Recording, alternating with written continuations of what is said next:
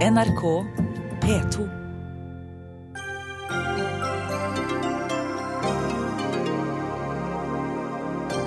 Venstre og KrF flyttet på 0,03% av revidert nasjonalbudsjett fra regjeringen.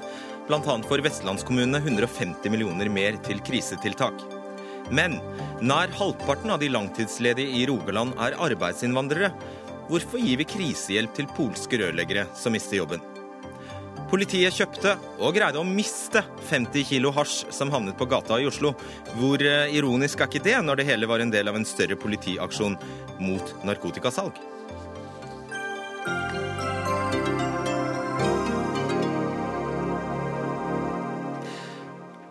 Klokka har passert 18. Du ser eller hører på Dagsnytt 18 med Fredrik Solvang. Venstre og KrF er enige i 99,97 av den blå-blå regjeringens politikk.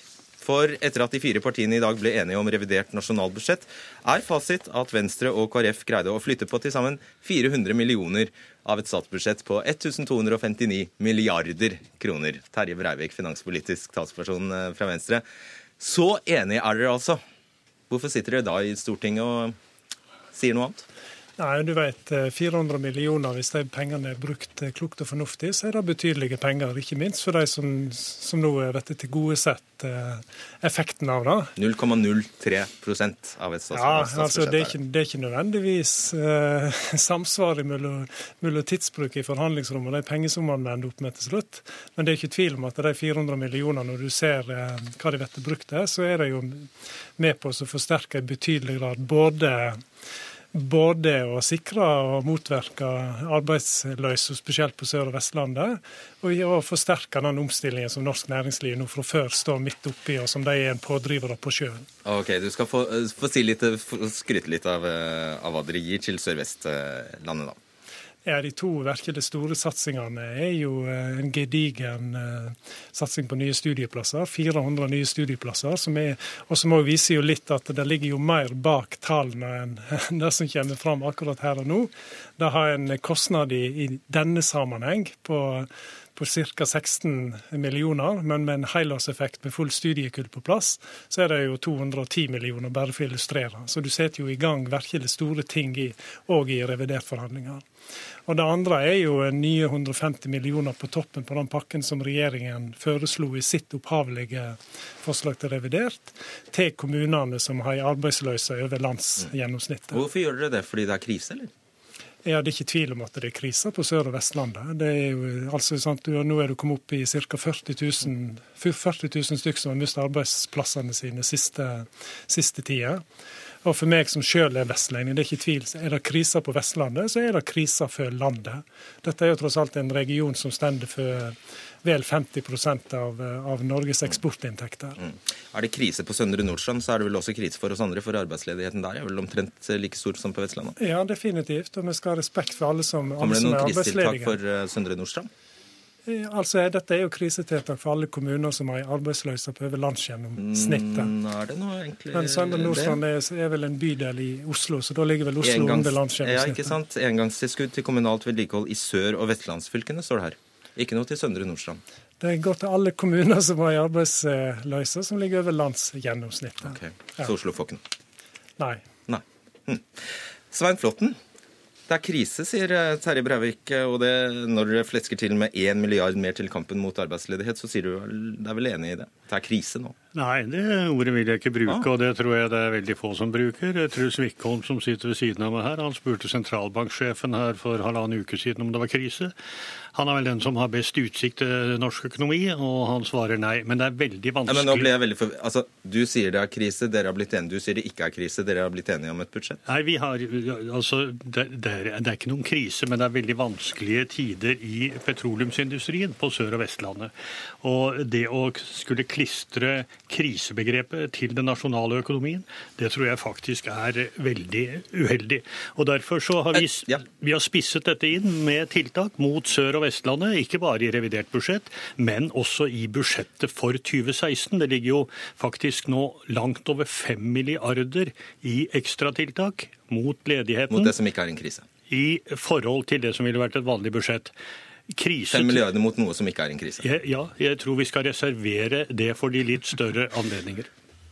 Det er ulogisk Svein Flåtten, å Nei. bevilge 5 millioner, milliarder til noe som ikke er en krise. Nei, du har jo nettopp sagt at uh, de pengene vi har brukt i revidert budsjett, bare er bitte, bitte lite grann i forhold til hele statsbudsjettet. Er du glad for at det er så bitte, bitte lite, du? Og fem milliarder er heller ikke den store dramatikken, men det er et godt tiltak mot de områdene som er rammet. Det er da Truls Wickholm, medlem i finanskomiteen for Arbeiderpartiet, skal si for lite for seint.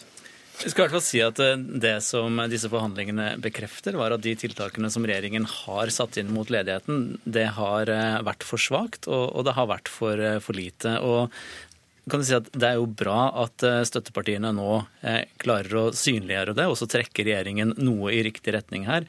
Men jeg tror ikke at man skal bli veldig overraska når man ser hva som kommer til å være Arbeiderpartiets eh, forslag her, at det vil inneholde enda sterkere sterkere Nei, det tror jeg ingen blir eh, veldig overrasket Nei, men det er veldig, veldig glad for høre. At dere klarer å slå dem.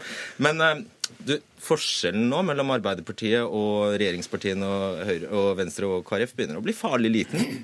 Så dette er jo et revidert budsjett, og her reviderer vi jo regjeringens eh, budsjettopplegg. Men eh, det er jo allikevel sånn at vi har ikke vært fornøyd med det som regjeringen har eh, lagt fram her. Vi har sagt at det er av de 10 milliardene som regjeringen velger å bruke ekstra i eh, oljepenger, så prioriterer man også bare eh, 900, altså litt under en tiendedel, eh, til et direkte tiltak på Sør- og Vestlandet.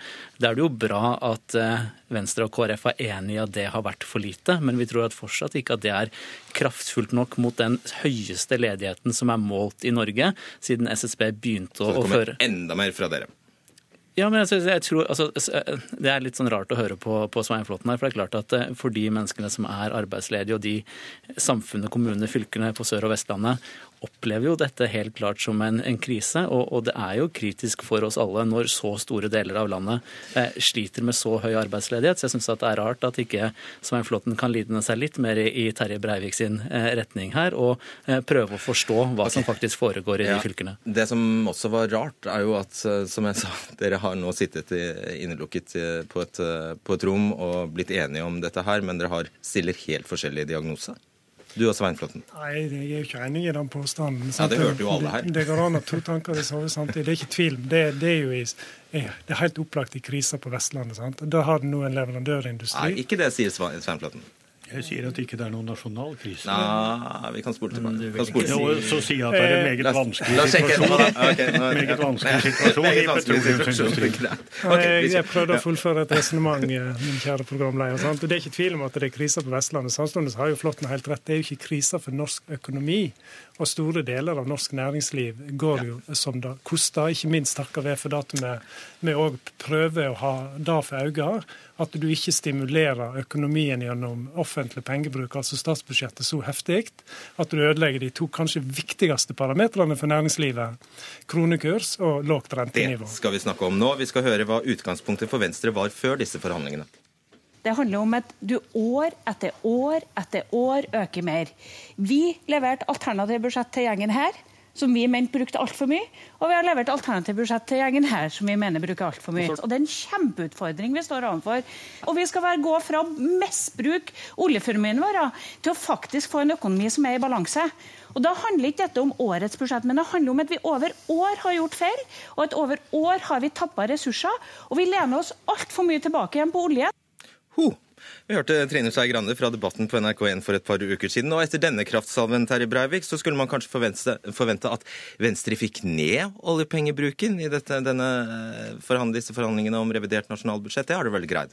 Det har vi ikke klart. Eh, Det har ikke stått på innsatsen inne i rommet. Eh, Vi starta forhandlingene med ei kravliste fra Venstre som inneholdt helt òg forslag til inndekning, omprioriteringer, omdisponeringer på litt mer enn dobbelt så mye på det som vi hadde på utgiftssida. Ja.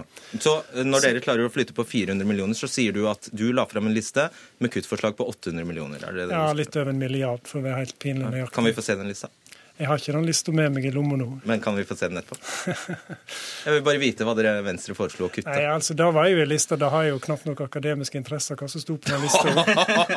men, men, men lista som sådan var jo i høyeste grad reell. Og hun var, vi la òg virkelig en god del sjel i at vi skulle lage en liste som Vi begynner jo å kjenne veldig godt regjeringspartiene som har forhandla med noen noen ganger med ting som vi visste at dette burde de kunne godta.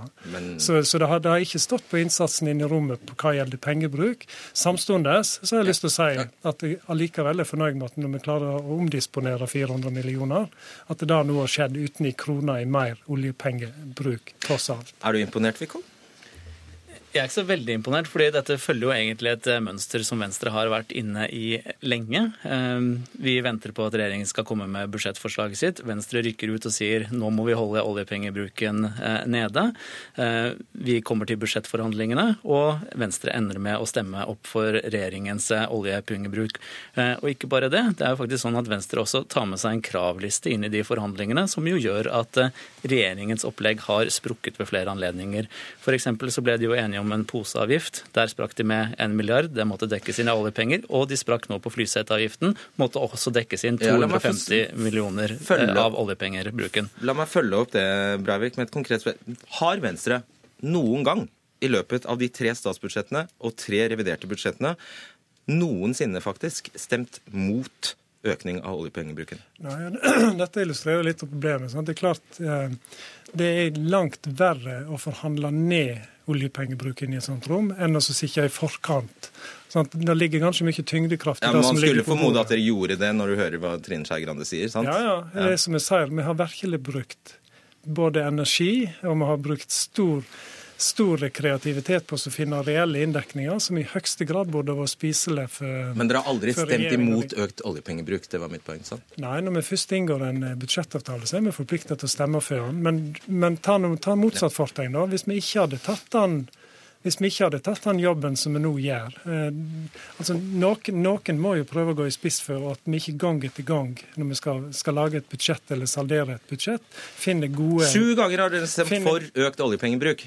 Det er korrekt. Og sju, sju ganger har vi gjort uh, en jobb for oss å prøve å stoppe at du hele tida tyr til det som hovedregel, mer oljepengebruk. Svein Flåtten, uh, hvorfor kunne du ikke altså, Terje Breivik sier jo at han la fram en liste på, uh, med kutt på 1 milliard kroner. Hvorfor kunne sånn at dere slapp å bruke så mye oljepenger? Fordi at oljepengebruken i 2016-budsjettet, inkludert det vi har gjort i revidert budsjett, er godt tilpasset den situasjonen vi har. Jeg tror at det er veldig dumt å sette på håndbrekken når vi er i oppoverbakke. Og det er ingen av de to Når vi er i krise, holdt på å si? Uh, vi er i hvert fall i oppoverbakke. Og når jeg hører Truls Wickholm fra Arbeiderpartiet harselere f.eks. med Venstre her, så er det jo litt pussig. De er ingen mestere i å bruke mindre oljepenger. I budsjettet for 2016 så måtte de legge på 10 milliarder i skattelettelser, pluss drive med litt uh, budsjettjuks for i det hele tatt å bruke bitte bitte lite grann mindre oljepenger. Så jeg ser veldig frem til det alternative budsjettet for å se hvilke kreative løsninger som kommer fra Arbeiderpartiets lønnkammer denne gang. Det gleder vi oss alle til, Wickholm. fordi når dere kritiserer Venstre og regjeringen for oljepengebruken, så må jo Arbeiderpartiet finne inndekning for deres kutt. Hvordan skal det gå til? Vi har i alle våre alternative budsjetter foreslått å bruke mindre penger enn det regjeringen eh, har gjort. Og i vårt siste budsjett nå så var hovedandelen av det vi brukte eh, mindre i oljepenger av regjeringen, altså inndekningen, det handla om innstramming i rentebegrensningsregelen, det handla om finansskatt, det handla om eh, miljøavgifter. Miljøavgifter tror jeg Venstre er for. De to andre tingene er det jo nå bred enighet om i Stortinget gjennom skatteforliket at vi skulle gjøre. Sånn at hadde flere gått i retning av Arbeiderpartiet tidligere, eh, så kunne vi også hatt disse eh, skatteinntektene tilgjengelig nå. Men det handler jo at over tid så har regjeringen prioritert feil. Mm. Og det er det som gjør at vi nå sitter i denne situasjonen, ikke dette enkeltbudsjettet nødvendigvis. Vi skal snakke mer om arbeidsledighet, men vi skal bytte dere ut. Beklager. Takk for nå. Terje Breivik, Truls Wickholm og Svein Flåtten. Dagsnytt 18 alle hverdager kl 18.00 på NRK P2 og NRK2. Ja, for det blir altså mer penger til krisetiltak på Sør-Vestlandet. Men hvem er det disse pengene går til? Tall Dagsnytt 18 har fått fra Nav, viser at hele 42% av de som har vært helt ledige i ett år i Rogaland, er arbeidsinnvandrere. Yngve Aasholt, kunnskapsdirektør i Nav. Nær halvparten av de langtidsledige er altså utenlandske statsborgere.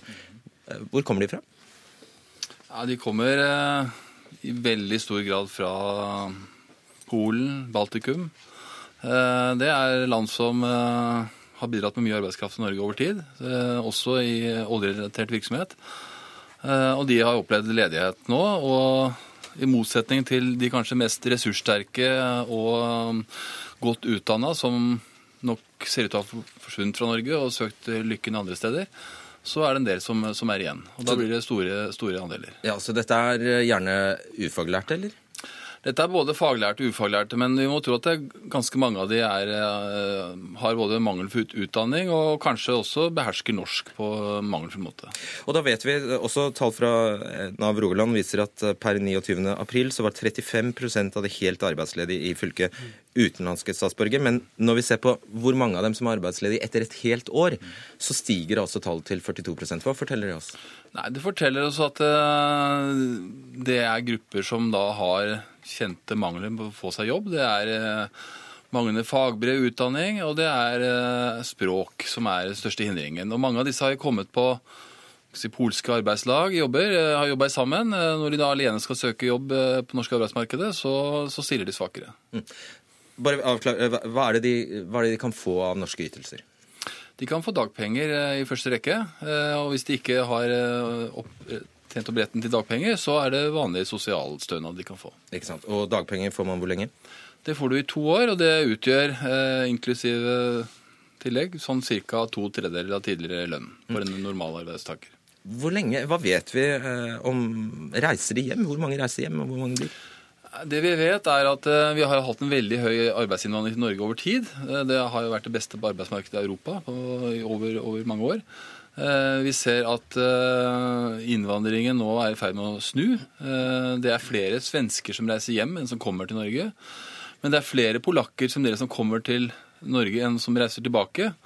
Men det er i ferd med å jevne seg ut. Er, mange av de som kommer hit, er enslige menn. Vi ser at de som er uten arbeid, det er oftest menn. 70% er menn. Og de er sånn 30-40 år. Det tilsier at de er ganske mobile. De er mobile internt i Norge. Det er ingen som reiser så mye og flytter på seg så mye som eh, polakker. Eh, men de er altså sannsynligvis mer mobile ut av Norge. Mm. Og så har dere, dere mener faktisk at det vil være fornuftig å gi dem norskopplæring, f.eks.? Ja, altså hvis de søker jobb i Norge, og vi ser at eh, norskopplæring er kanskje det som gjør at de ikke får jobb, så uh, Vår jobb er å få folk i arbeid. Uh, og Da ser vi at uh, tilgang på språk, kunnskap om språk det er en viktig forutsetning. Og Da mener vi det er en veldig god investering å kunne tilby norsk, enn at de skal gå og heve trygd passivt i flere år. Ja, greit. Så Kan man si da at en del av de tiltakspengene som regjeringen og støttepartiene nå bevilger, at de går, de går til arbeidsinnvandrere fra gjerne Øst-Europa? Ja, altså Hvis de treffer sånn som de er ment å gjøre, så vil det selvfølgelig også det kunne være arbeidsinnvandrere som eh, kan nyte godt av at en kommune kan ha, sette i gang oppussings- og investeringsprosjekter eh, hvor de etterspør håndverkertjenester, hvor også folk fra eh, arbeid, arbeidsinnvandrere fra Polen, Baltikum også kan være noen av de som får jobb. ja. Nettopp. Og til slutt, eh, vi har bedt eh, SSB håndtere Nav-tallene litt. og Vi har i Norge, hvis du bruker Nav-tallene, en arbeidsledighet på 3,3% Hvis man trekker ut disse arbeidsinnvandrerne, så har vi en arbeidsledighet på 2,9% Er det høyt eller lavt? Det er eh, veldig lavt eh, fremdeles. Eh, til tross for en økning på, i, på Sør-Vestlandet, så har Norge i internasjonal sammenheng en, en veldig lav eh, ledighet. Så vi har lav arbeidsledighet i Norge? Ja, altså det, De som vurderer å reise andre land, de må jo se seg godt om. For fremdeles så er store deler av det norske arbeidsmarkedet bedre enn man finner i mange andre land. Tusen takk skal du ha, Yngvar Aasholt. Kristian Wedler, du er bystyrerepresentant i Stavanger for Fremskrittspartiet. Du har ett råd til EØS-borgere som nå blir arbeidsledige. Hva er det? De som ikke det er plass til på det norske arbeidsmarkedet, de må reise hjem. De som ikke det er etterspørsel etter, eh, de må reise hjem. De som ikke har eh, god nok fagutdanning, eller som ikke oppfyller språkkravene, de må reise hjem. Det er jo helt brutalt. Ja, altså, Det er vanskelig i lokalpolitikken og rikspolitikken sikkert også å være eh, streng. Men her må man være streng. For det vakre med EØS-avtalen det er at eh, vi eh, innad i EU kan flytte på hverandre, og flytte der det er jobb. Men nedsiden er at det kan selvfølgelig ikke være sånn at Norge blir et arbeidsledighetskontor for men, Europa. Ja, Men de har jo opparbeidet seg rettigheter? Ja, og de rettighetene bør de selvfølgelig eh, vurdere nøye. Helt konkret, eh, jeg forstår det sånn at Stavanger i dag har fått til sammen 80 millioner kroner. Og det er jo jeg som politiker i Stavanger veldig glad for. Og vi vet i Stavanger konkret hvilke byggeprosjekter vi skal i gang med. Og det er ingen grunn til å tro at de byggeprosjektene vi skal gå i gang med, vil utløse stor etterspørsel etter denne type ukvalifisert arbeidskraft. Så selv ikke med disse 80 millioner kroner, så vil det, i Stavanger være behov for denne type arbeidskraft. Og da sier du at det ikke bør legge velferdsstaten til byrde. Er det det du mener? Eh, det, den type ord gjør jo eh, ting eh, vanskelig. Men for deres, Men egen, for deres, egen del så bør de reise hjem og søke å bygge opp der. Arve Kambe, stortingsrepresentant for Høyre fra Rogaland. Hvis om lag halvparten av de arbeidsledige i Rogaland er utenlandske statsborgere, hva er fornuften i at skattepenger til tiltakspakker skal gå til dem? Nei, Det som er vanlig i Rogaland, så er det ikke halvparten av dagens ledige. Det er de langtidsledige. Eh, I dag er det sånn at blir man arbeidsledig i Norge, eh, så går det rimelig kort tid før man heldigvis er tilbake igjen i jobb. Det er en god nyhet. I Rogaland er det også sånn at veldig mange av de som blir ledige, hvis de snakker norsk, hvis de har en utdanning, hvis de har et fagbrev, så er de tilbake igjen i jobb mellom tre til seks måneder etter ledighet. Det som er utfordring, er f.eks. er du en arbeidsinnvandrer som kom på toppen av alt og bare gjorde mekaniske ting eller jo praktiske ting. Du svarer jo ikke på spørsmålet, føler jeg. Jo, men fordi at eh, tiltakspengene som nå kommer, det er til nordmenn som skal omskolere seg, omskolere seg via økt studieplasser. Det er endringer på dagpengeregelverket, det er endringer i permitteringsregelverket, og det er masse midler for å sette i gang offentlige vedlikehold og bygninger i Rogaland og Vestlandet. De kommer til å dra nytte av til de som er ledige, uavhengig om de er fra ja, EØS-land eller fra Stavanger. Det, var, det, det er det korte svaret ditt. Ja, Poenget er jo at er man arbeidsledig, så skal man bidra okay. til å hjelpe folk tilbake til arbeidslivet. Regjeringen gjør en rekke tiltak. Samtidig så skal EØS-avtalen bidra til at folk som ikke har arbeid, skal videre i EØS-området og lete etter arbeid. Per Olaf Lundteigen, stortingsrepresentant for Senterpartiet, du rister på hodet. Spiller det noen rolle for deg hvor de kommer fra, de arbeidsledige? Nei, når de har kommet til Norge etter det regelverket vi har, så må en behandle alle etter det, etter det systemet. Og det er jo helt logisk, eh, som SSB her sier, at eh, folk i liten Nav. grad ja. ja, Nav eller SSB som har tallene, at de eh, ikke reiser tilbake, for at alternativet er jo dårligere. Altså Når vi har et system med fri bevegelse av arbeidskraft fra land som har en skyhøy ledighet og elendige arbeidsvilkår, så blir den jo i Norge. Og det blir jo umulig for oss å ha full sysselsetting når du har en sånn fri bevegelse.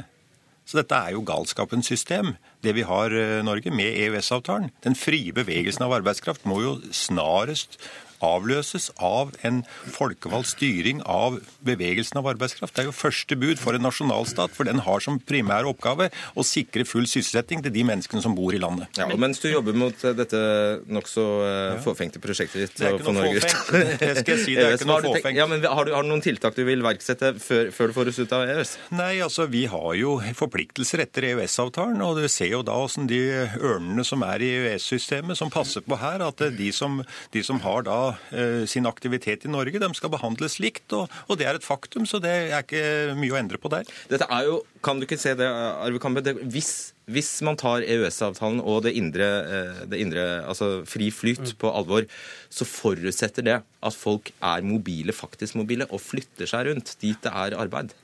Ja, og det er jo det som er hele poenget. Eh, og det er derfor, ja, det er hele poenget. Det, det, så hvis de ikke gjør ja, det, så fungerer det ikke. Ja, det er en utfordring for Norge, som har et relativt høyt kostnadsnivå. Dermed har vi òg et høyt lønnsnivå. Dermed har vi òg høyere trygdeytelser enn andre.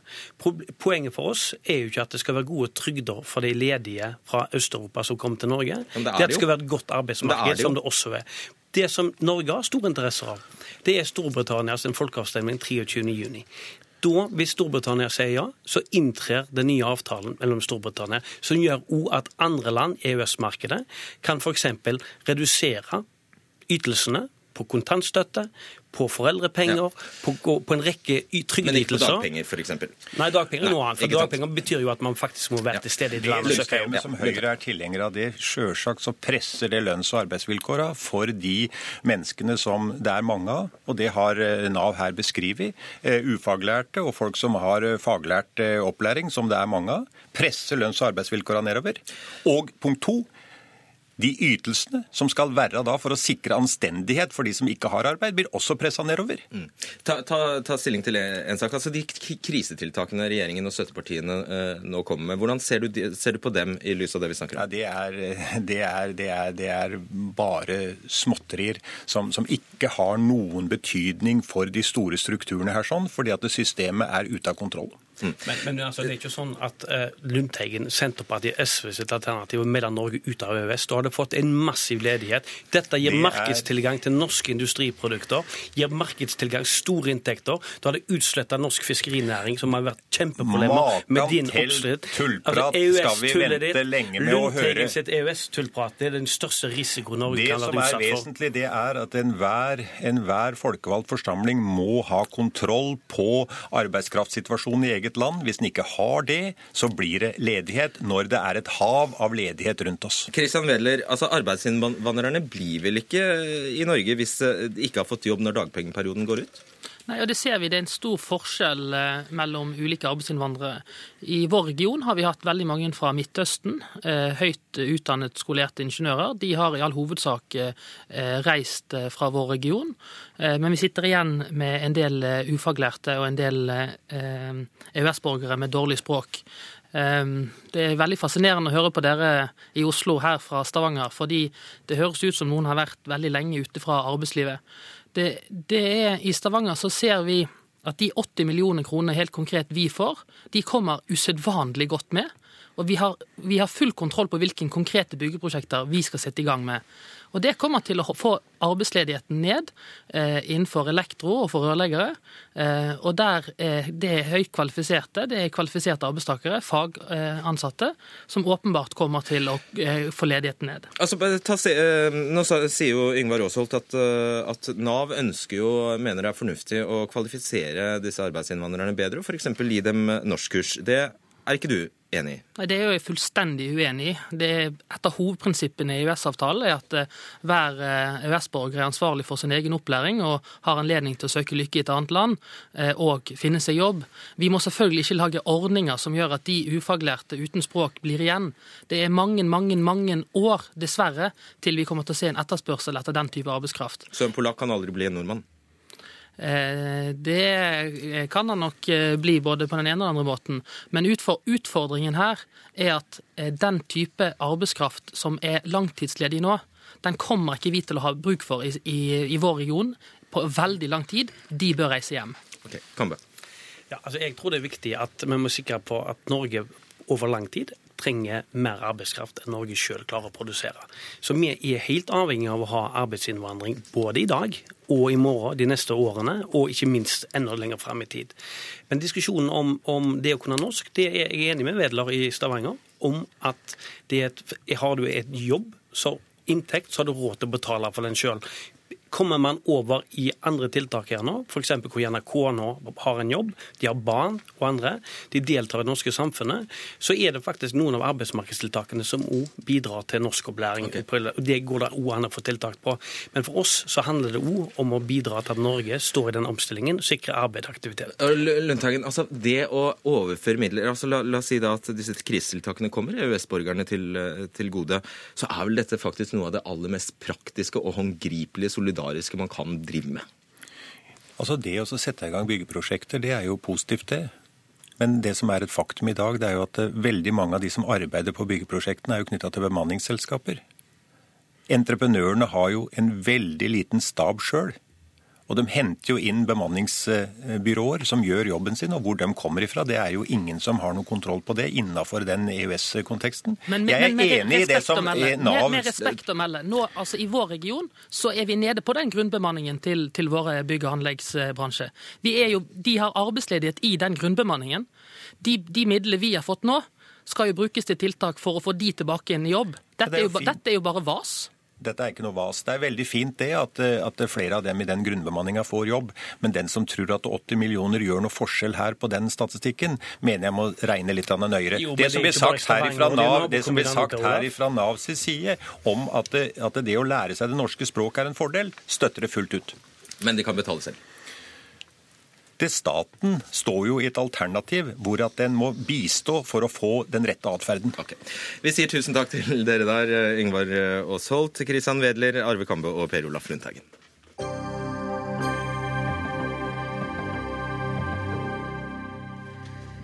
Politiet i Oslo har smuglet 50 kilo hasj til Norge mot betaling, og overlevert det til en narkoliga som har solgt stoffet. Tilsvarende 100 000 brukerdoser på det illegale markedet i Oslo. Ja, du hørte riktig.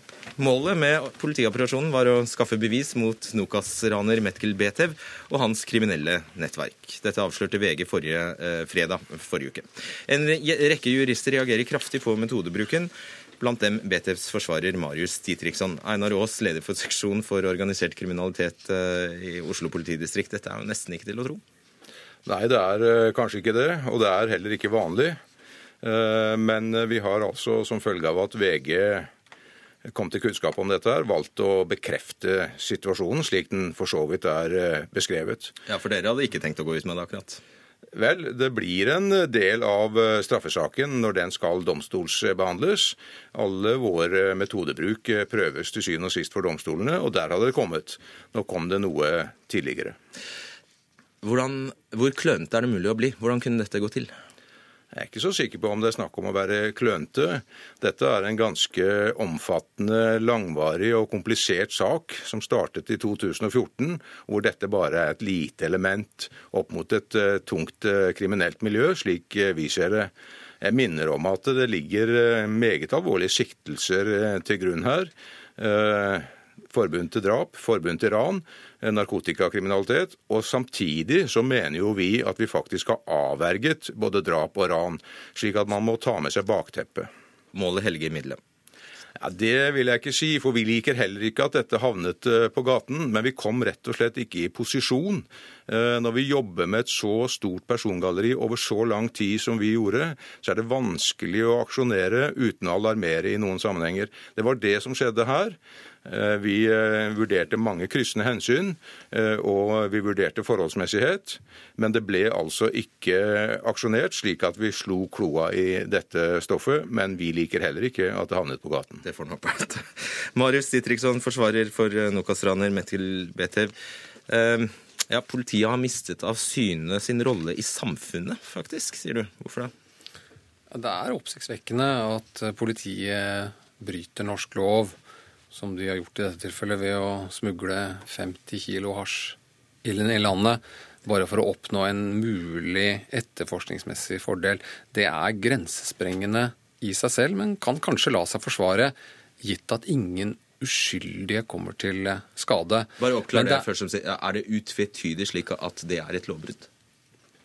Det er et lovbrudd å smugle narkotika inn til landet.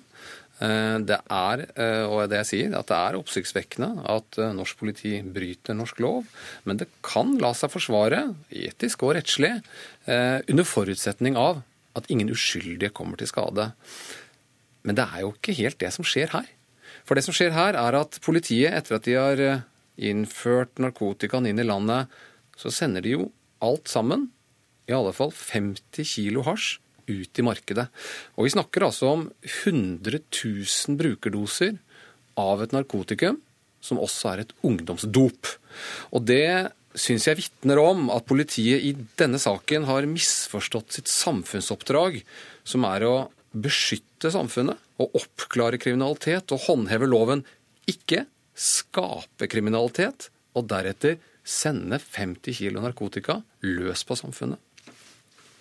Nei, altså, Det er ikke vanskelig å være enig i noe av det som blir sagt, og vi liker som sagt heller ikke at dette havnet på gaten. Det vi ikke liker, det er å bli tillagt holdninger og hensikter som vi ikke hadde hatt. Eh, vi liker ikke å omtale metodene våre, men det er snakk om metodebruk her som er vurdert og klarert på riktig nivå. Og som, og som, dere formodentlig da mener er innenfor loven? Ja, der skal uh, visse vilkår være til stede. Og vi, våre jurister, mener jo da, våre, våre påtalejurister, mener at vilkårene var til stede. Hvis ikke de var det, så hadde vi ikke gjort det. Men det er det som skal etterforskes nå av Spesialenheten, sant? Vel, hva som skal tas tak i av, av Spesialenheten og ikke, uh, det får vi jo se. Men uansett så skal dette vurderes av domstolen når saken kommer for retten, dette med politiets metodebruk. En ting er at man tar, seg, man tar seg litt sånn til rette og bryter en og annen bestemmelse for å få en posisjon. Som sagt, det kan kanskje la seg forsvare, men da kan ikke noen komme til skade. Altså, og jeg lurer litt på, hva er det politiet, er det politiet vil si til, til de foreldrene som har barn og ungdom som bruker hasj? Kanskje de har brukt denne hasjen, som er importert inn av Oslo politi og sidere videre her, overlatt videre til et brukermiljø mot en stor sum penger. penger som, hva, hva, skal man si til, til, til, norske, til, til foreldre som har ungdom som har eh, som bruker denne narkotikaen. Hva skal du si til dem? Skal si de? Nei, jeg tror vi må, vi må rydde, litt i, rydde, litt i, retorikken. For det første, politiet iverksetter intet som ikke hadde blitt gjennomført uten politiets tilstedeværelse. Vi har benyttet oss av en metode.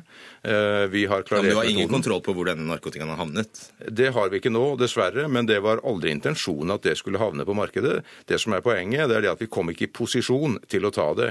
Det er vi ikke så veldig fornøyd med, men sånn ble utfallet. Det er dødsspinnelig, er det ikke det? Nei, det er ikke det. For hvis du setter det inn i en større sammenheng, og det er jo sagt av enkelte at det var et ekstremt tiltak Jeg vil si det at den situasjonen vi hadde for et år siden, var kanskje ekstrem. Situasjonen som sådan. Og det har sin årsak i hva vi ante konturene av. Og vi tok ikke helt feil, for vi mener jo nå at ved siden av å ha avverget alvorlige kriminelle voldshandlinger, så har vi også substans i straffesakene som vil bli ført på et eller annet tidspunkt. Og Det er noe med perspektivet her, Dietrichson. Altså, hvis, hvis eh, politiet her har avverget drap, så er jo det du snakker om, underordnet. La meg først si at når politiet utkledd som politiagent Der kan du svare på det. Ja, jeg skal gjøre det. At når politiet utkledd som politiagenter tar på seg og foreslår å smugle narkotika inn til landet her i Norge, reiser til utlandet, henter narkotikaen, smugler den inn, og her selger det ut til, bruk, selger det ut til miljøet hvor det havner på gata, ja, så er det jo klart for enhver at man er med på ulovlig hva skal jeg si, at man er med på noe som man ikke burde være med på. Og et sted må politiet sette grensen for hva de skal gjøre. Uansett hva de kan oppnå av fordeler. Dette kan ikke vi være med på. Forholdsmessigheten spurte jeg om. Ja, vi kan ikke. Vi kan ikke som politi burde man jo tenke seg om. Vi kan ikke som politi være med på å levere ut 50 kg narkotika til våre brukere. Dette er et ungdomsdop. Dette må vi si nei til. Dette kan vi ikke. Og, og til dette at man har avverget et drap. Eh, jeg må bare si, og Nå blir vi veldig konkret til verks. Her har tingretten sagt tidligere at bevissituasjonen er dårlig. Her blir det kanskje ikke tiltale, her blir det kanskje ikke dom. Men det er ingenting i veien for at politiet, etter at de har vært i utlandet og hentet narkotikaen og kjørt over grensen, hva vet jeg, en uniformert politibil, ja, tar de ulykke involverte når de skal overlevere eh, narkotikaen, og sier til dem nå har vi tatt dere, og vi har sett dere, dere, dere, hva dere holder på med. Nå er dette avslørt, nå er dette slutt, nå har proppen dratt ut. Så har man jo avverget, man har ikke kommet noe lenger nå. Alle sitter jo og lurer på hvordan dette kunne skje. Hva var det som skjedde?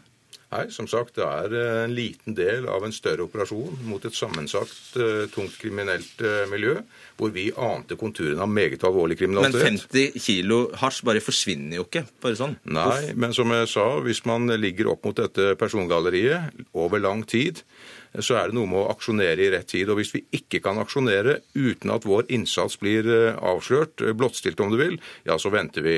Og så gikk det altså som det gikk. Eh, det er prisen som ble betalt. Sett fra utsiden så tenker man jo, ja det er riktig som han sier, at de har ligget på dette miljøet veldig lenge og brukt store, store summer. Ja, da er det kanskje litt eh, ikke, ikke helt tilstedelig, oppfattes det, å aksjonere kun for 50 kilo hasj, som rett nok er mange, mange års fengsel, men ikke mange nok. Kanskje man vil vente og se om det kommer noe mer. Men det er altså ikke innfallsvinkelen for norsk politi. Norsk politi skal håndheve loven, og den skal beskytte samfunnet. Ikke være med på, etter at man selv har smuglet inn narkotikaen, sende det ut til brukermiljøet. Det må man altså sette foten ned for. Altså. Og hvis dette viser seg å være straffbart, straffbart hvor høyt oppe i systemet skal hodene rulle? Hvor, hvor høyt oppe ble dette godkjent? Nei, Dette mener jeg at det blir en, en underlig vinkling, syns jeg. Dette er vurdert og klarert på statsadvokatnivå. Og vi skal, metodebruken skal jo vurderes av domstolen. Og så får vi se hva domstolen sier når den tid kommer. Og du gjør nå hva, Ditt Ritzon? Hvordan har du tenkt å forfølge dette? Eh, jeg, jeg, registrerer hva som har eh, skjedd her, og så får vi avvente hva som, eh, hva som kommer frem. Jeg, jeg, er, jeg, kommenterer dette nå som dette har kommet frem, for dette har ligget i saken hele tiden. Jeg er i alvorlig stuss over at dette kunne skje, og jeg avventer egentlig redegjørelsen vi, hvis det blir en sak om hva som har skjedd. Men når det er sagt, så er det altså ikke gitt at det blir en straffesak her. For her er bevissituasjonen svak, og det er ikke gitt at det blir verken tiltale eller dom. Og da kommer ikke dette opp i dagens lys allerede. Så, så kanskje det er greit at VG tok fatt i dette. Ja, vi kan takke VG for det, da. Jeg kan bare få legge til eh, kjapt at eh, det er et omfattende materiale her. Didriksson er eh, en av de få som vet hva det innebærer. Jeg skulle gjerne redegjort for hele helheten. Da tror jeg godt folk kanskje hadde sett perspektiv. Vi skulle gjerne lytte til deg også, skal jeg si deg. Takk skal dere ha, Einar Aas og Marius Didriksson. Selv takk.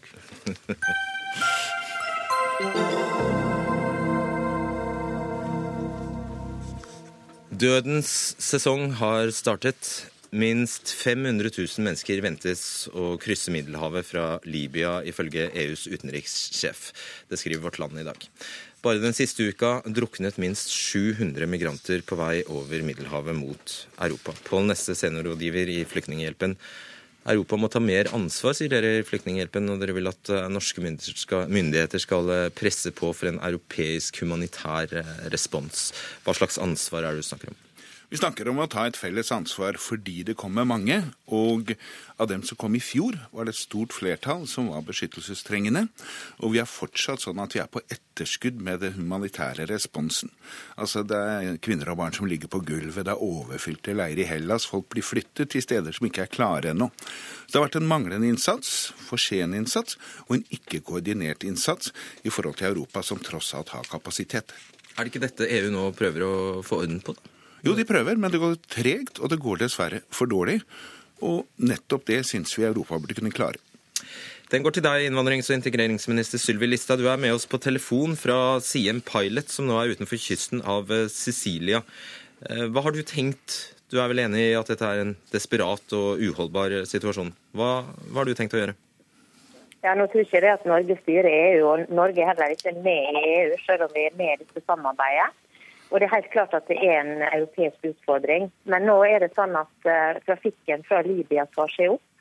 Og Trafikken over Libya består altså av et flertall av personer som ikke er klar på beskyttelse. De kommer fra land der det ikke er krig og konflikt, og der det er en, en overvekt av økonomiske migranter. Det er en stor utfordring, for mange av de landene de kommer fra, vil heller ikke ta dem tilbake. Men hva gjør man da? Det er det viktigste. Ja, Det viktigste vi kan bidra til, er å skape stabilitet i Libya, som er et land nå som er, har store konflikter, som har store utfordringer. Og som er en del av grunnen til at eh, man bruker det som en transittrute gjennom. Vi vet også at ISIL er en av de som eh, potensielt tjener penger på denne menneskesmuglinga. Og Derfor er det viktig at vi nå eh, greier å få det under kontroll. Er Derfor er det her nede med at det kan være oppimot 800 000 flyktninger som befinner seg der inne. Vi har hørt historier om at eh, flyktninger drepes for at organene deres skal selges på det internasjonale markedet. Så Det er ganske bestialske eh, saker som foregår i Libya, og som det er viktig at man prøver å bidra til eh, en løsning på i landet. Fordi at det er helt klart at det er utfordrende, selvfølgelig. Og, men det viktige som Norge gjør i denne sammenhengen, er å redde liv. Og Jeg har jo vært på Siem Pilot i dag, som er et norsk skip som er betalt av den norske regjeringa, med fantastisk mannskap om bord, som har redda nå nesten 20 000 liv. Mm. Eh, Pål Nesse, du, du, deler denne analysen at det nå hovedsakelig eh, det er i hvert fall ikke syrere som kommer eh, Libya-veien, og at de fleste kommer fra sør for Sahara. Du, deler dere den oppfatningen? Det er helt riktig. Og de siste tallene har det vært flere fra land som ikke er tradisjonelle flyktningeland. Dette har gått litt opp og ned fra måned til måned. For det er jo også i disse gruppene en god del somaliere, en god del eritreere. Det er også nigerianer, hvor det er en blanding av sikkert klassiske økonomiske migranter, men også folk som flykter fra Boko Haram. Og så jeg helt enig med Listhaug her i to ting. Det ene er at det er veldig bra at regjeringen har sendt Sian Pilots, gjør en strålende innsats, og at italienerne får mer støtte engasjert i dette viktige hjelpearbeidet. Det andre jeg er enig i, er situasjonsbeskrivelsen i forhold til Libya. Nå står ikke verden helt i påskepollenettet, men det er greit. Bare fortsett. Situasjonen i Libya er så dramatisk, og vi har ganske langt frem før det vil være trygt å sende folk tilbake dit. Og nettopp derfor må vi også i Europa være med å ta det ansvaret for dem som har havnet i et uføre med et beskyttelsesbehov i Libya, og som desperat forsøker å komme seg videre. En del av dem må vi også være villige til å ta imot her hos oss. Der oppsto det kanskje en uenighet, Sylvi Lysthaug. Ja, altså det, er jo, det er jo En av push-faktorene for Europa er jo at det kommer personer fra land der man ikke er klar på beskyttelse, men vi får ikke sendt dem tilbake. Da er det klart at Når de som sitter i landet ser at andre da reiser til Europa, men de kommer ikke tilbake fordi vi får ikke sendt dem tilbake, så er det med på at flere legger på vei fordi de ønsker en bedre økonomisk framtid. Det tror jeg mange skjønner at de ønsker. Men Europa kan ikke ta imot alle de som ønsker seg et bedre liv, for det har vi rett og slett ikke kapasitet til. Men du må håndtere dem, så hva, hva er planen? Ja, da er det jo En av de tingene som man jobber for i EU nå, er å få til en sånn returavtale med de landene som her, det her er snakk om, for å få sendt tilbake disse personene. Det er utrolig viktig hvis vi skal sette en stopper for den trafikken. Så mener jo jeg for Norge sin del at det er viktig at vi nå strammer inn og gjør nødvendige grep der. Der er jeg bekymra for om Stortinget nå eh, på en måte slapper litt for mye av, fordi at det kommer veldig få til Norge. Men når vi ser hva som skjer nede her eh, fra Libya og over til Italia, når vi vet at avtalen mellom Tyrkia og EU eh, også er skjør, så er det all grunn nå til å gjøre de nødvendige grepene i Norge for at vi ikke skal framstå som mer attraktive enn det vi bør fordi vi i utgangspunktet er et veldig attraktivt land. Eh, så Der er det all grunn til å være bekymra nå for hva Stortinget velger å gjøre, om man da går for nødvendige innstramminger. Arbeiderpartiet vingler fram og tilbake, eh, og jeg er spent på hva de nå eh, detter ned på. Eritreere og somaliere på Nesset er jo grupper som i stor grad har krav på beskyttelse i Norge. Jeg tror tallet innvilgelsesprosenten for eritreere er 99 eller noe sånt. Når vi vet at disse to landene til sammen har 17 millioner innbyggere, så viser vel det med all tydelighet at man må, for å bruke et slitt uttrykk, hjelpe dem der de er. Selvfølgelig må vi det. Og de aller fleste er i nærområdene, og de aller fleste kommer til å fortsette å være der. Altså Nå har det jo vært uro i Somalia i 20 år, og det er jo ikke sånn at de 17 millionene har kommet til Europa.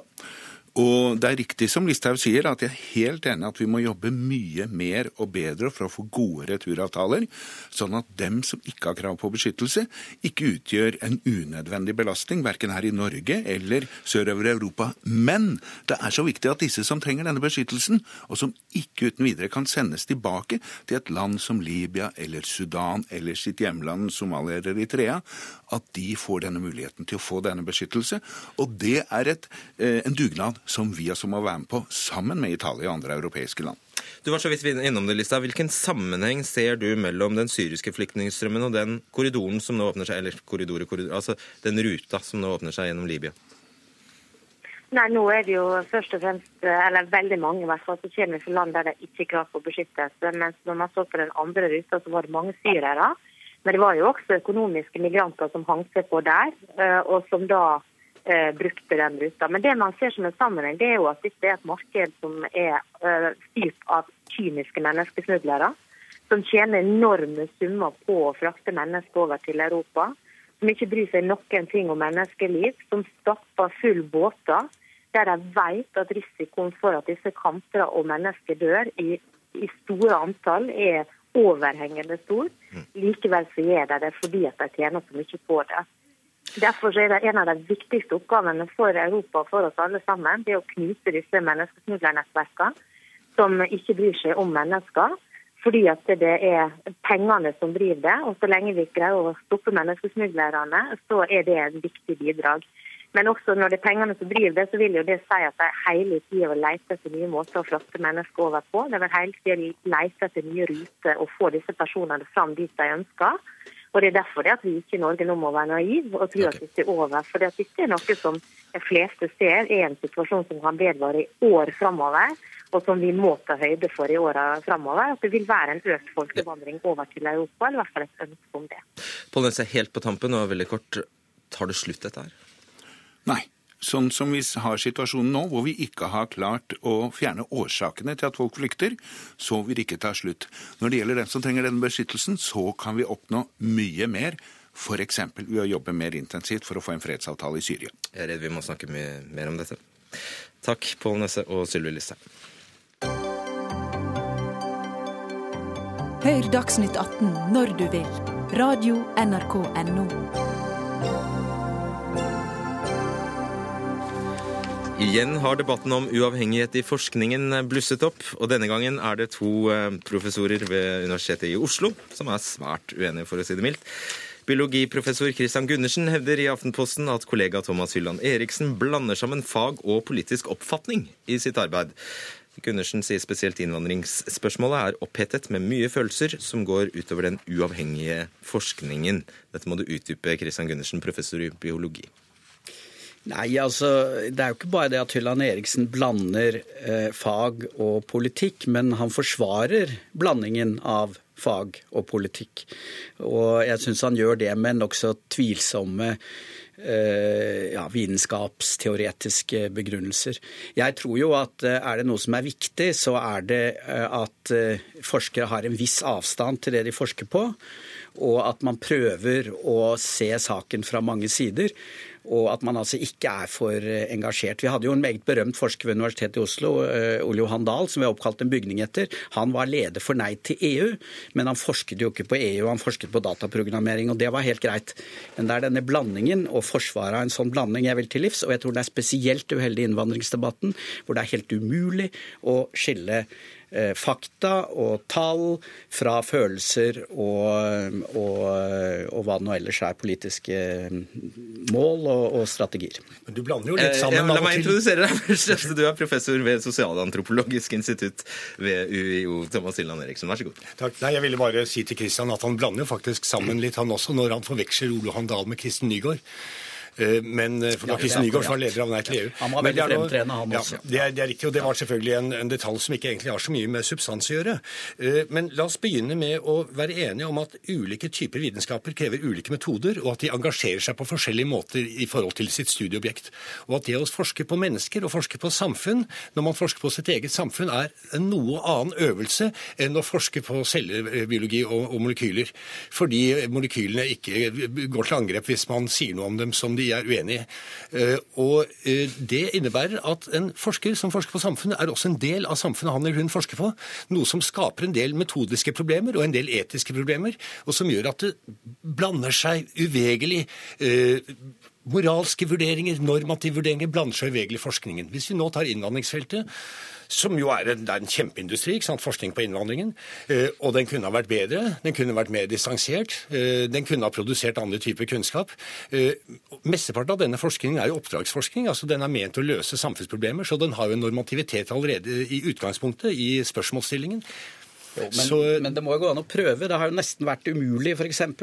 å diskutere la oss si, tall for kriminalitet blant innvandrere f.eks hvor, hvor, jo noen tror at at all kriminalitet, særlig av bestemte typer, gjør seg innvandrere, mens andre tror at det ikke er noen forskjeller. Og Sannheten ligger nok et sted imellom, men det har vært nesten umulig å diskutere fordi at feltet har vært så politisert. Det går jo an å bruke statistikk eh, på andre samfunnsområder, og hvorfor ikke her?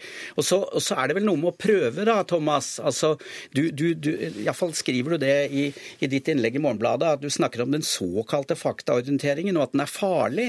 Det syns jeg er en veldig, veldig uheldig uttalelse. Ja, altså, du må jo prøve å være ja, objektiv, da. Ja, men hør nå her, altså, jeg, har, jeg, har, levd hele mitt liv på universitetet og produsert og formidlet kunnskap, bl.a. om dette feltet. Det ville jo være nokså snodig om jeg nå gikk ut og sa at vi, må, vi, trenger ikke kunnskap. Altså, Vi bør ikke ha kunnskap. Vi bør bare ha følelser. Selvfølgelig har jeg ikke sagt det. Ja, det Så høres dette, sånn ut, da.